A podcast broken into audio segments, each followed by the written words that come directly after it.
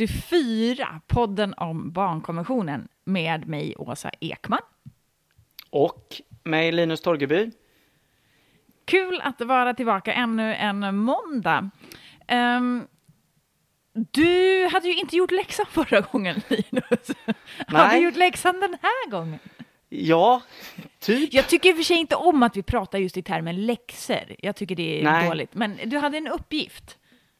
Ja, jag hade en uppgift eh, och vi kommer ju kanske hata lite på läxor fram, fram i vår när vi planerar våra temablock. Eller mest kommer jag hata på betyg då, men eh, vi jag kan fick hata en, lite på läxor också. Ja, jag fick ju en trevlig läxuppgift här och som jag även då fick revidera upp superfort här. Eftersom jag inte hade uppfattat att läxan rörde just dagens artikel som vi ska prata om. Det, det förstår jag inte hur du kunde missa. Jag tyckte nej, jag var supertydlig nej. med det. Jag tänkte bara, det här är lätt. Tre goa filmer med, med barn. Den bästa sommaren med Kjell Bergqvist hade jag. Men okej, okay, icke. Mm. Eh, då är ju... Eh, Säg filmerna först och säger vi artikeln sen. Ja. Det, det, är två filmer jag inte har sett ens. Du den tipsar för... alltså om filmer som du inte har sett? Precis, men jag kan säga så här, den, den första filmen var den jag fick upp som tanke direkt. Och jag vet att den här liksom har varit väldigt kritiserad, men det var det jag liksom fick upp som en bild av eh, vad handlar den här artikeln om? Och det var inte utan min dotter. Mm. Det känns sett. som att det är... Har du sett den filmen? Alltså grejen jag tror att jag har sett typ halva eller något sånt, men den är ju skitgammal. Ja, den är skitgammal. Ja. Eh, så den vet jag den eh, rekommenderar jag inte ens. Sen har vi... Då är det inget filmtips. Och nu kommer, det, eh, nu kommer en lite grundare filmtips som jag såg på bio. Eh, mm. Och det är Jalla Jalla. Ja, ja, den kan vi koppla lite hit, ja. Ja, lite absolut. grann. Ja. Eh, mm. men den, det, det, är ju ändå en komedi, liksom en feelgood film med, eh, som ändå berör en del av det temat vi ska prata om idag. Eh, och eh, ja, Torkel Pettersson hoppar in i en stor buske. Väldigt roligt sätt. Och sen den tredje filmen har jag heller inte sett då. Och det är Charter och det är Sveriges Oscarsbidrag. Mm. Mm. Som också berör lite av en del, ett delmoment i det vi ska prata om idag. Och kopplingen till förra veckan då, förra veckans uppgift är att Charter är gjord av samma regissör som gjorde Sameblod, Amanda Chanel precis. Men som jag nu summerar då din, din uppgift, du ger ett tips som inte är ett tips på en film som är svingammal, som du knappt ens har sett. Sen ger du två tips på filmer som du heller inte har sett. Eller en har du sett. Du vill ge mig F. Du vill ge mig ett betyg. Jag, jag, vill, jag vill bara poängtera att eh, du och jag tar uppenbarligen det här med uppgifter på, ja, på lite precis. olika... Ja Nej, det är för dåligt. Ja. Men, ja, men vad bra. Men då har vi i alla fall liksom ändå någonting så här. Eh, så. Och då tänker ja. jag, då kan ju, det är nu vi önskar att det här hade varit typ så live och folk hade så fått gissa vilken artikel så direkt, typ. Alltså att de hade fått så typ skrivit i chatten eller skrivit i liksom ett meddelande. Eh, så hade ja. vi kunnat lotta ett, ett, ett pris eller något. Vi ja. borde kanske köra mer sånt. Ja, nej men verkligen.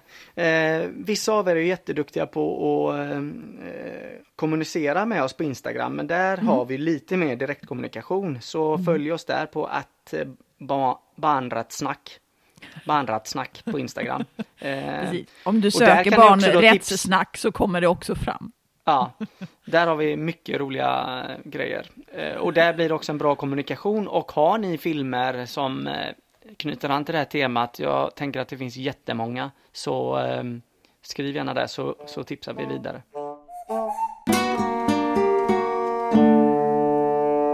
Okej, okay, avsnitt 44, artikel nummer 11. 11. 11, exakt. Eh, vill du eller jag läsa den? Eh, nej, men varsågod och läs. Mm. Konventionsstaterna ska vidta åtgärder för att bekämpa olovligt bortförande och kvarhållande av barn i utlandet.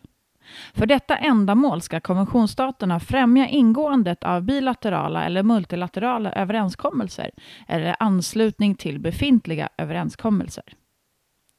Alltså en ganska kort artikel egentligen. Eh, två punkter eh, vi ska göra massa olika saker för att förhindra eh, och liksom bekämpa att barn inte förs bort eller hålls kvar i utlandet. Det är det som den här handlar om.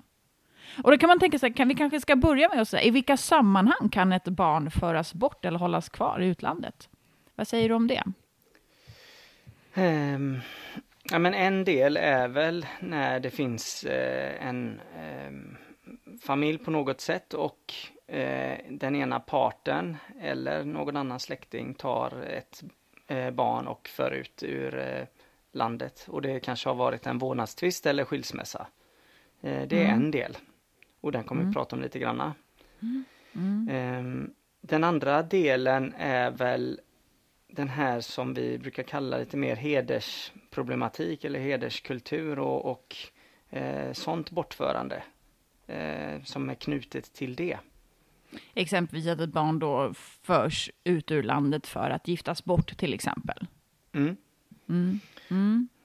Och den här artikeln blir ju så tydlig att den, eh, den handlar om eh, över landsgränser. Alltså det blir det multilater multilaterala eller bilaterala där flera länder är inkopplade.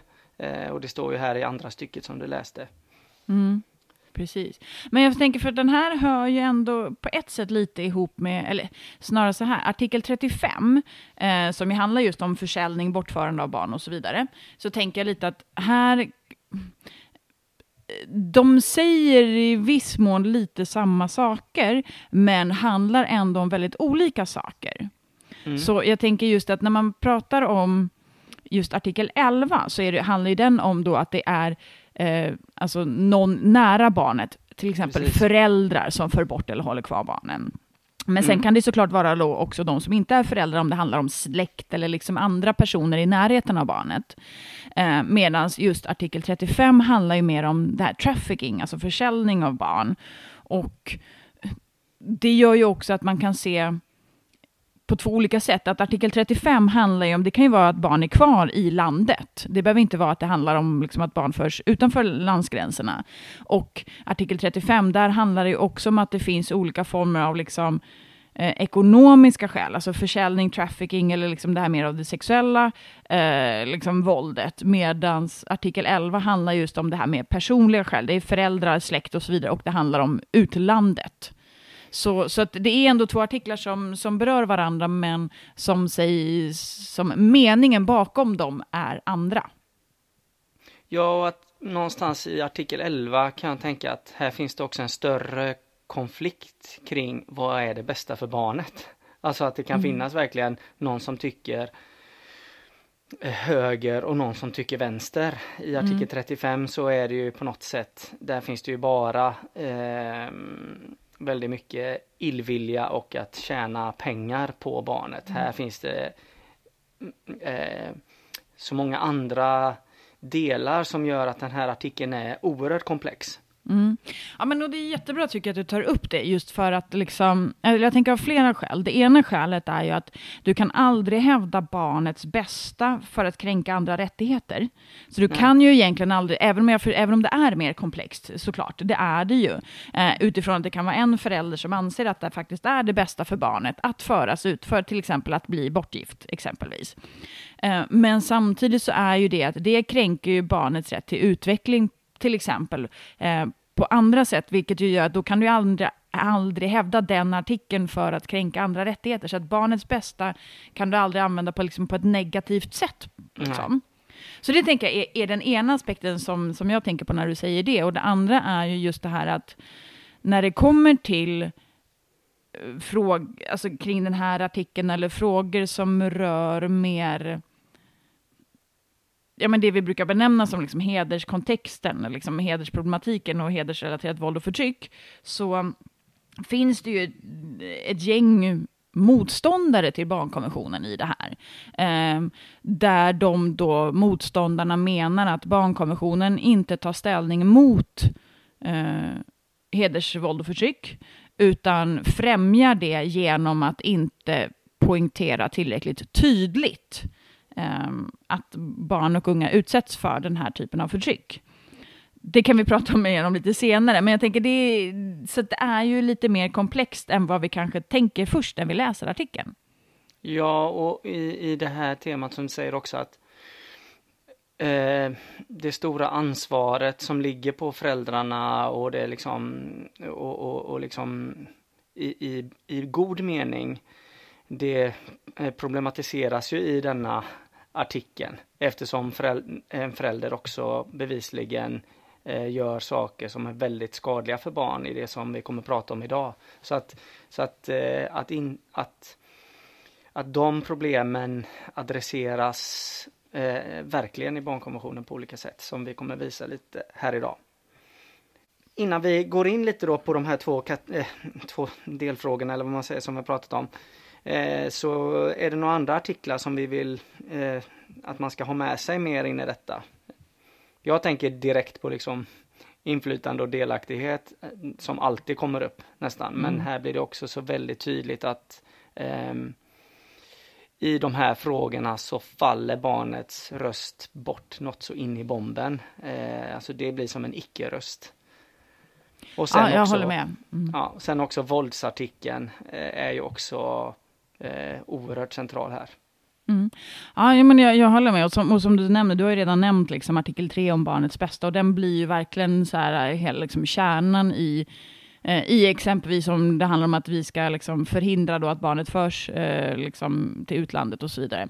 Jag tänker att om man bara nämner artikel 16 som handlar om rätten till privat och familjeliv, nämner ju just ordet heder.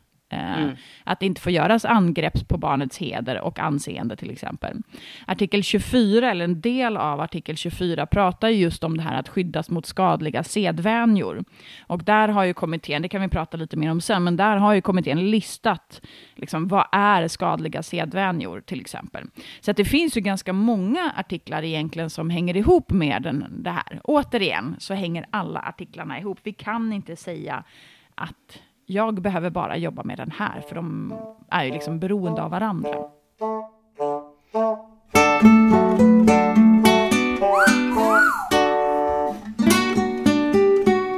Okej, okay, ska vi gå in i eh, den eh, första delen som jag nämnde här med eh, när en, en förälder eller en släkting för bort ett barn till ett annat land.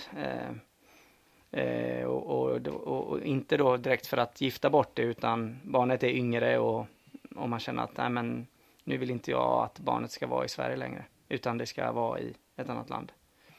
Du menar vad man ska göra eller? eller? ja, vi, jag tänkte vi kan börja prata, prata om den eh, frågan och hur den hanteras. Och vem ja, som hanterar den.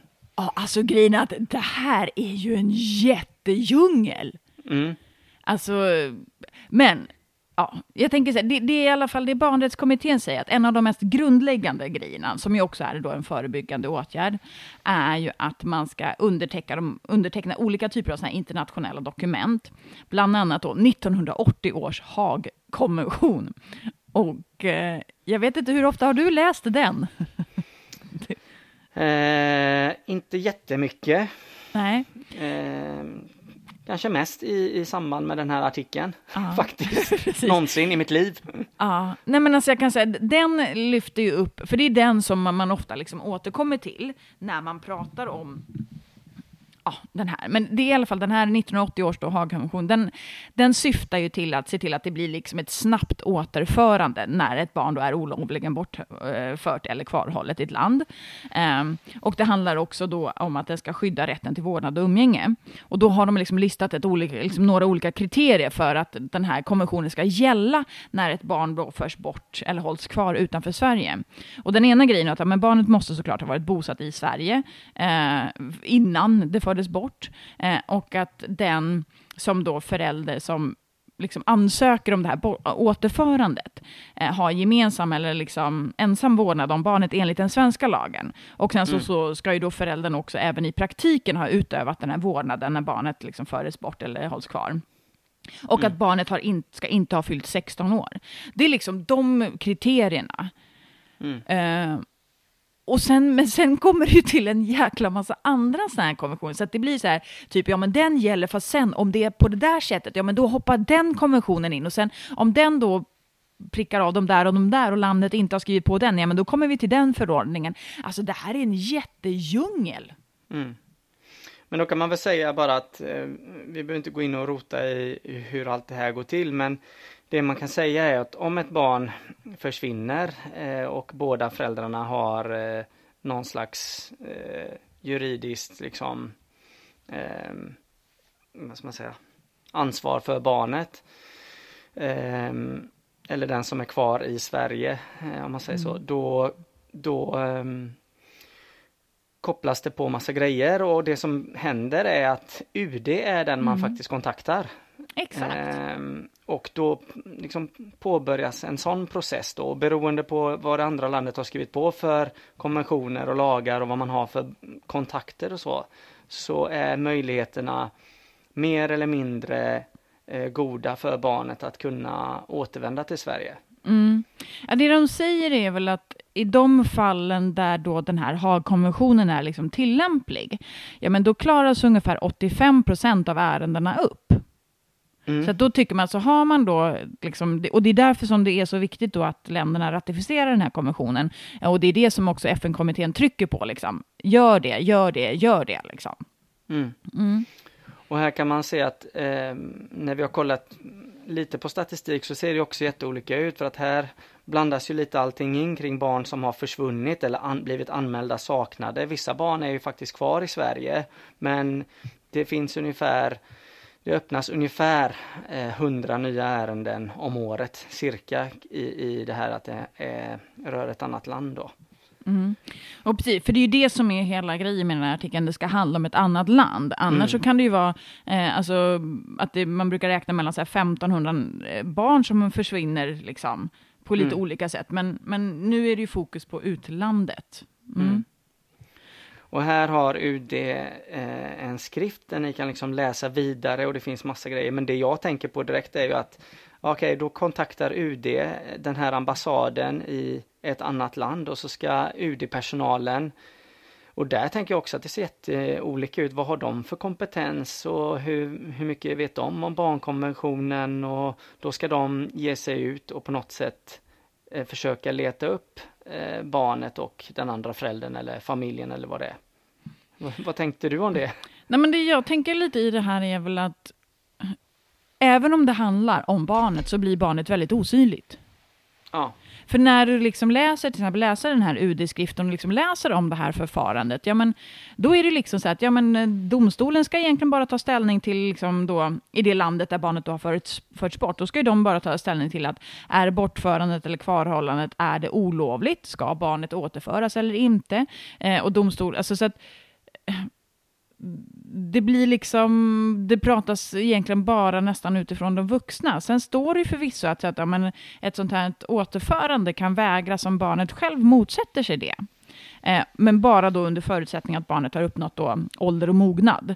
Att du då ska eller bör ta hänsyn till barnets vilja. Men, men jag tycker liksom...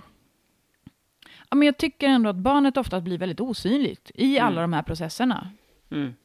Vad tänker och du? Det, Nej, och jag tänker också då om man tar det ett snäpp eh, tillbaka igen då när ett barn, när föräldrar eh, separerar och det blir vårdnadstvister och konflikter.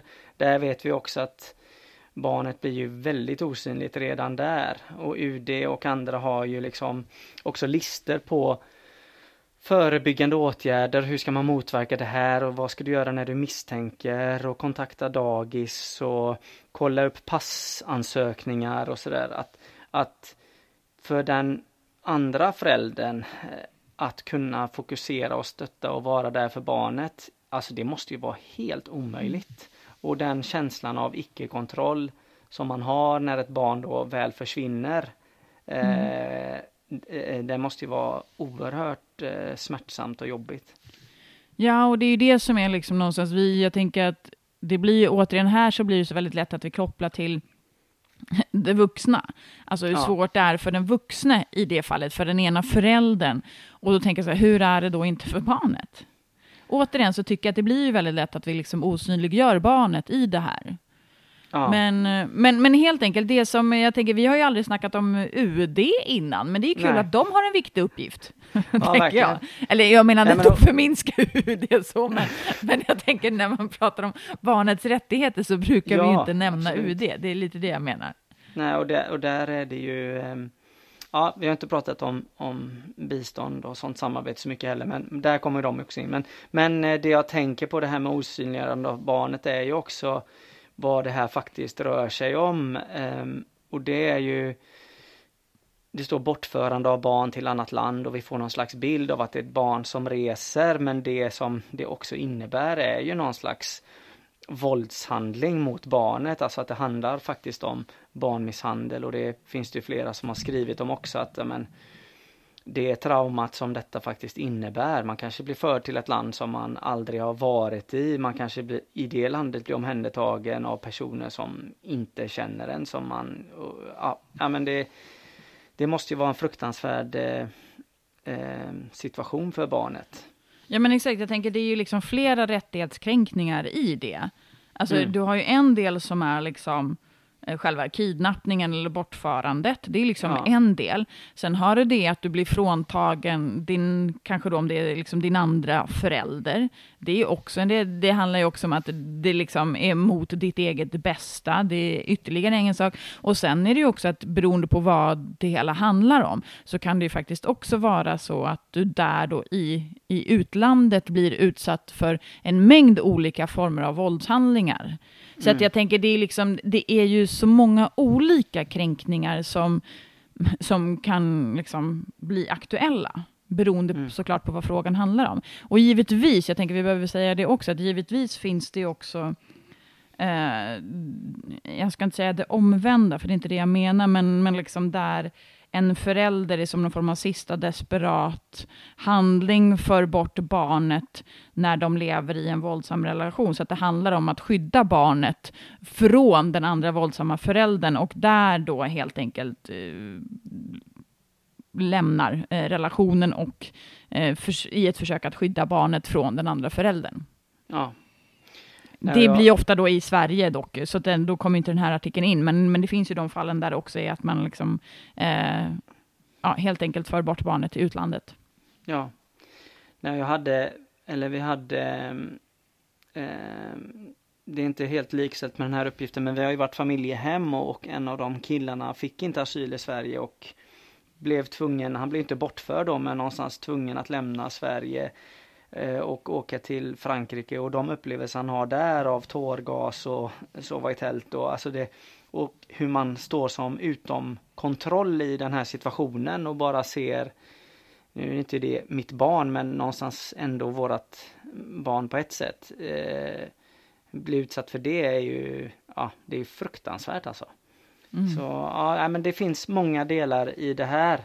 Eh, eh, precis som du säger och det vet man ju också i, i det här att det som man fokuserar på är att utreda vilken av föräldrarna som har rätt i det så blir, eftersom det blir som en, en som huvudfråga så tappar man ju barnet för att det blir huvudfrågan. Mm. och där mm. är det därför är det ju så, så himla viktigt att hålla, eh, koppla på de andra artiklarna. Mm. Eh, mm.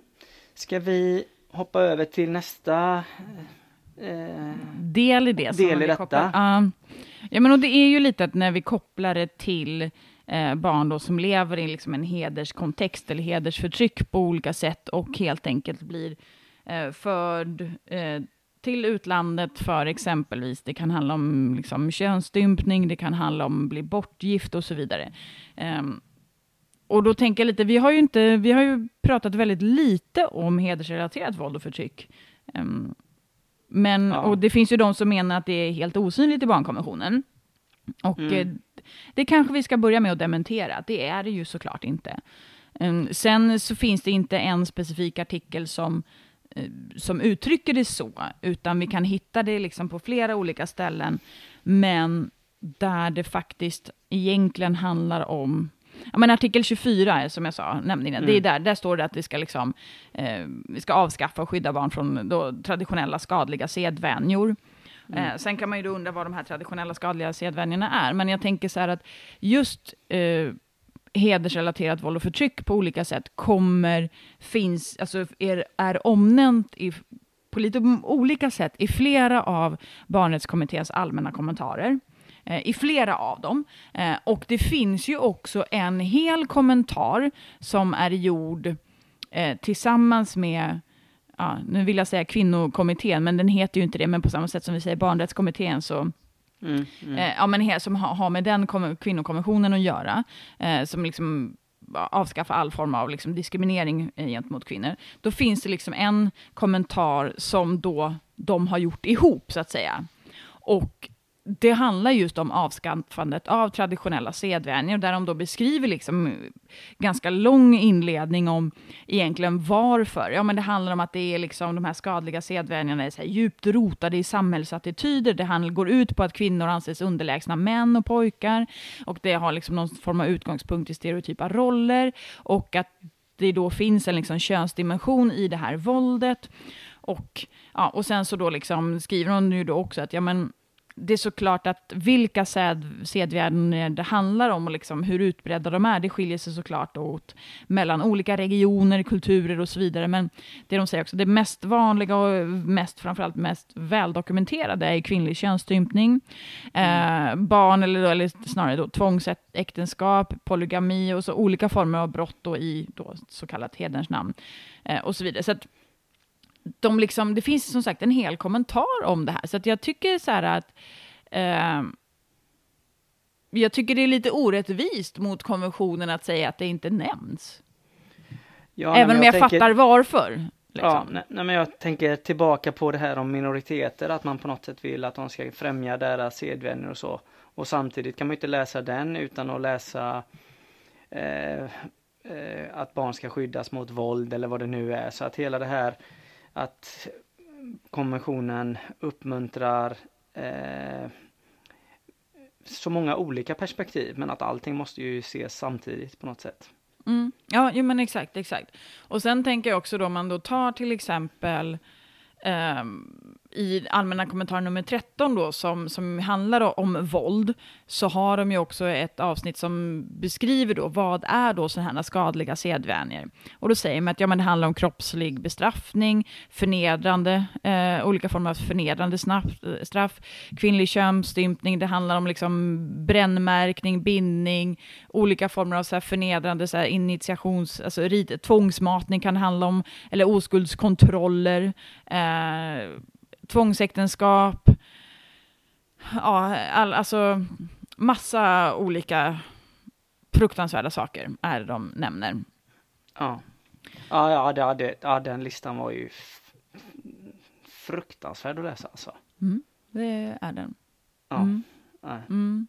Ja, men så helt enkelt så handlar det alltså både om att stifta lagar som liksom eliminerar de här handlingarna, men det handlar ju också om, liksom, om utbildning, det handlar om liksom, olika former av informationskampanj, utbildningsprogram, och allting ska ju såklart syfta till att förändra de här attityderna, få bukt med de här traditionella könsrollerna som liksom, och olika former av eh, fördomar, eh, och se till att skydda alla från de här skadliga sedvänjorna. Liksom. Mm. Det, det är bara det, det, är liksom, det går ju inte att säga på annat sätt egentligen, att det är det vi ska mm. göra.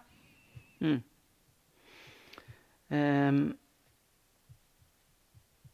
aj, aj, aj. Det, det, här är ju, och jag tänker också um, ett annat steg, um, och här är det ju, uh, här har ju Socialstyrelsen också ett arbete kring att uppskatta antalet som finns i Sverige, hur man gör och var och, och hur och sådär med just kring könsstympning. Och här finns det också mycket att hitta på på andra ställen Um, kring just den här frågan. Men, men det är ju verkligen en, också en sån fruktansvärd sak att eh, ja, nej det, det, mm. det, är väldigt svårt att formulera sig kring det helt enkelt. Precis. Ja, men en bra grej eh, som ju Sverige har gjort eh, som ju kommittén har sagt att det här ska man såklart göra, eh, gjorde ju Sverige nu. Eh, så att vi fick ju en ny lag, eller en ny bestämmelse, eh, snarare inte ny lag, men eh, från första juli i år. Mm. Och det är en lag som, eller en bestämmelse som fördes in i eh, LVU, alltså lagen om vård av unga, som egentligen handlar om ett utreseförbud. Eh, så just för att liksom, förhindra att barn förs utomlands, just i syfte att eh, liksom, ingå sådana här tvångsäktenskap eller könsstympas. Och då är det liksom socialnämnden som, eh, som ansöker om sånt här hos för, liksom, ja, rätten. Och ja. det här utredelseförbudet kan ju då också göra så att man kan återkalla liksom passen och så här, i, förhindra att man liksom utfärdar nya pass. Så det är ju ett sätt, liksom ett väldigt konkret och viktigt eh, sätt att när, men det kräver ju att det finns vuxna runt omkring som anmäler oron så att socialnämnden kan ansöka om det här utredelseförbudet. Ja, det var precis det jag satt och tänkte på här och kring det här. Ja, men vem är det som ska eh, tjoa och kimma om det här? Alltså, mm. vem är det som ska göra så att de kan sätta ett LVU eh, på något sätt eller ett utreseförbud för att, för att eh, ja, jag vet inte, jag tänker vem är det? Är det förskolepersonal? Är det skolan? Är det, ja, är det föreningstränare i klubbar? Vem, vem, vem ska kunna göra det här? Ja, fast jag tänker lite, det är, alltså, det är såklart det är socialnämnden som ansöker om det här, men jag menar, på samma sätt som vi är, alltså det här är ju också eh, våld mot barn. Så ja. på samma sätt som jag anmäler oro om jag är liksom orolig för att ett barn till exempel inte får eh, tillräcklig, liksom, Alltså ett barn som vanvårdas till exempel, eller försummas, eller en barn som utsatts för fysiskt våld. Så på samma sätt ska jag ju anmäla oro här. Mm. Så att jag tänker, och det är väl det som är, därför behöver ju vi vuxna eh, jag tänker den här är ju också, många gånger så är den här liksom, eh, heders, liksom, förtrycket också kopplat till väldigt mycket som, in, som kan vara svårt för andra att uppfatta. Ja. Eh, det sker ju också oftast liksom gradvis, liksom när, eh, när barnet blir lite äldre. Mm. Men eh, innan, för det måste vi gå in på nu och prata om när man blir lite äldre och, och kring det här med att bli eh, giftas bort utomlands. Men jag tänkte bara på det här med eh, könsstympning och, och de här sedvänjorna. Är inte, genomförs inte de också när barnen är ganska små? Alltså sådär oftast. Eh, apropå, apropå det här att eh, eh, medvetandegöra de här frågorna? Um, ja, men inte enbart väl?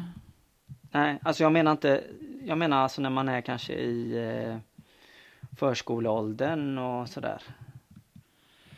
Ja, oh. nu, nu ställde ja, jag en alltså svår jag fråga här. Alltså jag tänker så, nej men jag tror att det kan vara även upp till liksom du är tonåring liksom. Ja, ja. Så att jag tänker att det här det kan vara allt ifrån liksom när du är typ mellan Alltså det kan vara som spädbarn, men det kan också vara att du kan vara fyra, du kan vara liksom ja. sju, du kan vara tio, du kan vara fjorton. Ja, ja men det är, väl det, det är väl det jag vill mm, bara säga här, att eh, de här, det, det, handlar inte bara om tonåren och när man börjar bli liksom mm, gå mot vuxenvärlden, utan det här handlar också om barn eh, på något sätt som är väldigt små. Mm. Och såklart är det här självklart olagligt. Eh, ja. Men det är också olagligt att faktiskt planera eller förbereda eller be någon annan utföra en sån här könsstympning. Ja. Mm. Um, mm. Mm. Och det finns särskilda mottagningar och sånt där för det eh, också eh, runt om i Sverige, liksom, som är specialiserade på de här sakerna. Ja. Men jag tänker, det, för den som liksom vill, vill så här, uh, förstå mer och lära sig mer och, och liksom kunna se det utifrån barnets eget perspektiv, så tycker jag att då kan ni gå in på Kärleken är fri som mm, ju är ett projekt, eh, eller det är ju inte ett projekt längre, utan det är en verksamhet som, eh, som Rädda Barnen tillsammans med, var det Länsstyrelsen någonstans, ja, ja. som tog fram det här och som egentligen handlar om att det är ett samverkans, liksom, metod, eller hur jag nu ska uttrycka mig, och eh, som innehåller lite olika delar, men bland annat att berätta för barn och unga om vilka rättigheter de har, eh, och liksom ge stöd till, eh, till barn och unga som lever i den här liksom, kontexten. och eh, de har då lite olika så här, fallbeskrivningar där helt enkelt som baseras på barn som ställt frågor. Till exempel en tjej här då som är 13 år som uttrycker att hon bara så här, kan inte någon stoppa min ålder? Och det här säger hon då just för att hon vet att från den dagen som hon får sin första mens så kommer hennes liv se ut på ett annat sätt. Och att liksom då blir, alltså att hon som kvinna när hon växer så blir det ett hinder att hon inte längre får, får vara ett barn. Hon får liksom, livsvärlden liksom krymper. Och att hon liksom eh, begränsas och kontrolleras mer och mer efter det här. Eh, det är liksom hennes berättelse. Eh, och, och, och hur många då flickor i det här fallet försöker liksom hemlighålla att de då växer. Alltifrån så här typ ja, men så här linda brösten, alltså försöka dölja liksom att du um, att du helt enkelt har fått mens för att det är då du ska ses som kvinna och då blir också den här kontrollen eh, på ett helt, helt annat sätt. Mm. En stor del av, av, av kärleken är fri är just som du sa den här kärleksveckan som man har på skolan. Man pratar om men vad är, vilka rättigheter har jag? Prata kring kärlek och rätten att få välja själv och så vidare. Mm. Och jag tänker det är också liksom, jag tänker att vi behöver också ha en förståelse för att för de här barnen så Ja, men det handlar ju om att, att om du då faktiskt ska försöka ta dig ur den här, alltså eh, när du, ja, men som en flicka säger, men gjorde jag rätt när jag flydde för mitt liv? Att när då, alltså att bo i skyddat boende och liksom bryter upp med hela familjen och släkten, så även om att veta att det är fel det som en utsätts för, allt det våldet, så kan det ju fortsatt vara så att man liksom, vad ska jag säga, Alltså att du både saknar din familj, du ser samtidigt att du försvårar för din familj på lite olika, alltså att det blir den här dubbelheten. Ja, ja, ja. ja men det, det blir en lojalitetsfråga hela tiden för barnen i alla de här kontexterna som jag pratat om som är ju fruktansvärd att hamna inför. Och om man tänker bara hur konkret den här pressen blir så, är, så om man kollar på ungdomsmottagningen har en en hel sida kring det här också och råden där är ju så superkonkreta om mm. du då väl Ska man åka utomlands, det här ska du tänka på. Allt från att liksom ha med memorera nummer till eh, kontaktuppgifter till ambassad, svenska ambassaden. Mm. Eh, och kommunen och alltså, alltså, det finns så många. Men ta med, en, ta med mobil, ett extra simkort ja, så att du ja. kan liksom eh, ringa. Ja. Så det är ju på den nivån och igen då alltså ansvarsbördan förutom allt det här relationella som vi pratar om nu så blir ju den helt enorm liksom med att ja men om du väl hamnar i den situationen då är det du som får lösa det. Och vi har väldigt svårt att göra någonting av det för den, den fria viljan blir väldigt svår. Och det du kanske har sagt i din familj då eh, att okej, okay, du accepterar någonstans för att du vågar inte göra något annat eller du har den här lojaliteten som vi pratade om.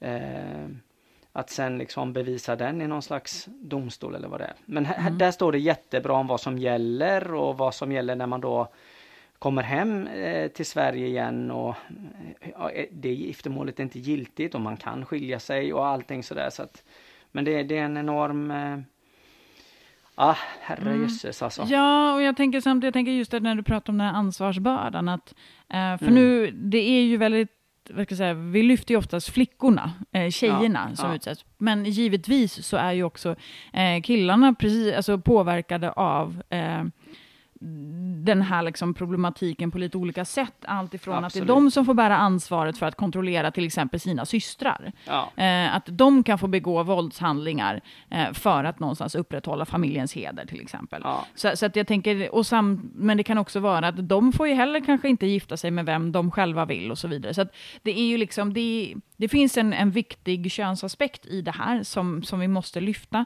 Men det är samtidigt så att alla barn påverkas av det, som lever i eh, den här liksom, ja, i, lever i det här förtrycket helt enkelt. Ja, ja men verkligen jättebra. Jättebra att du mm. tog upp det för att där blir ju också sådär hur man trycks in i en roll som går stick i stäv mot eh, de rättigheter man har i, i barnkonventionen. Mm. För det är ju det här det, det här handlar om. Det här strider mot de mest grundläggande liksom, rättigheterna som barn har. Ja, ja. Alltså så är det ju. Mm. Um, ska vi summera på något sätt, eller? Eller Ja. hade vi något mer som vi bara känner så här, det här måste vi ju säga också? Jag vet inte. Men, men folk kanske ska, jag tänker så här, kolla in Kärleken är fri. Eh, se till att Kärleken är fri kan komma till din skola, din kommun till exempel.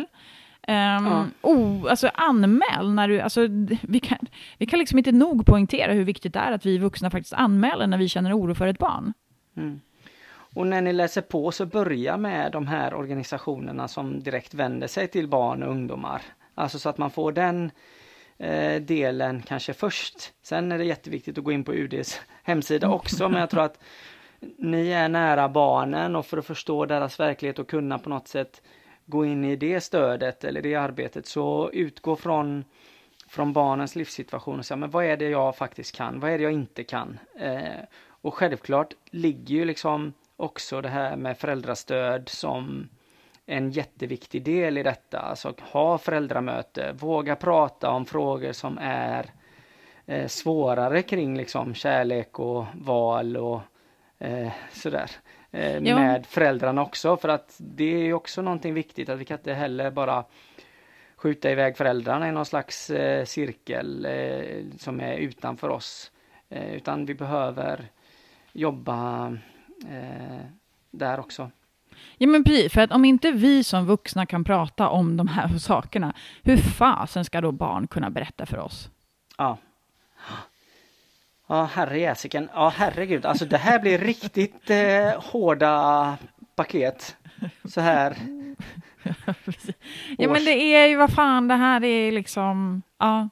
Nej, och det vet vi, det såg vi också att, att jag menar de här ärendena som inte faller under konventionerna och avtal och där man inte lyckas. Ja, där ser vi konflikter och barn som eh, är bortförda som på, och det pågår under år, år liksom. Och det är väldigt få av de fallen. Det är, vad var det, var, var det typ så en fjärdedel som kanske kunde lösas? Ja, ja. Mm. Eh, men som vanligt, våga fråga, våga prata. Ja, Ja, absolut. Se barnet. ja. Ehm, och vi säger tack till eh, alla som hjälper oss med podden. Hör av er med frågor, gå in och ehm, kommentera oss på olika sidor och ni hittar oss där poddar finns. Ehm, då så hörs vi nästa vecka. Ja, det gör vi. Ja, jag försöker låta bra. lite glad här nu på slutet. Ja, precis. Hurra, hurra. En vecka kvar till måndag. Tack för att ni lyssnar, verkligen. Ja, stort tack. Så hörs vi om en vecka igen. Det gör vi. Hej, hej! Hej då! Hej, hej!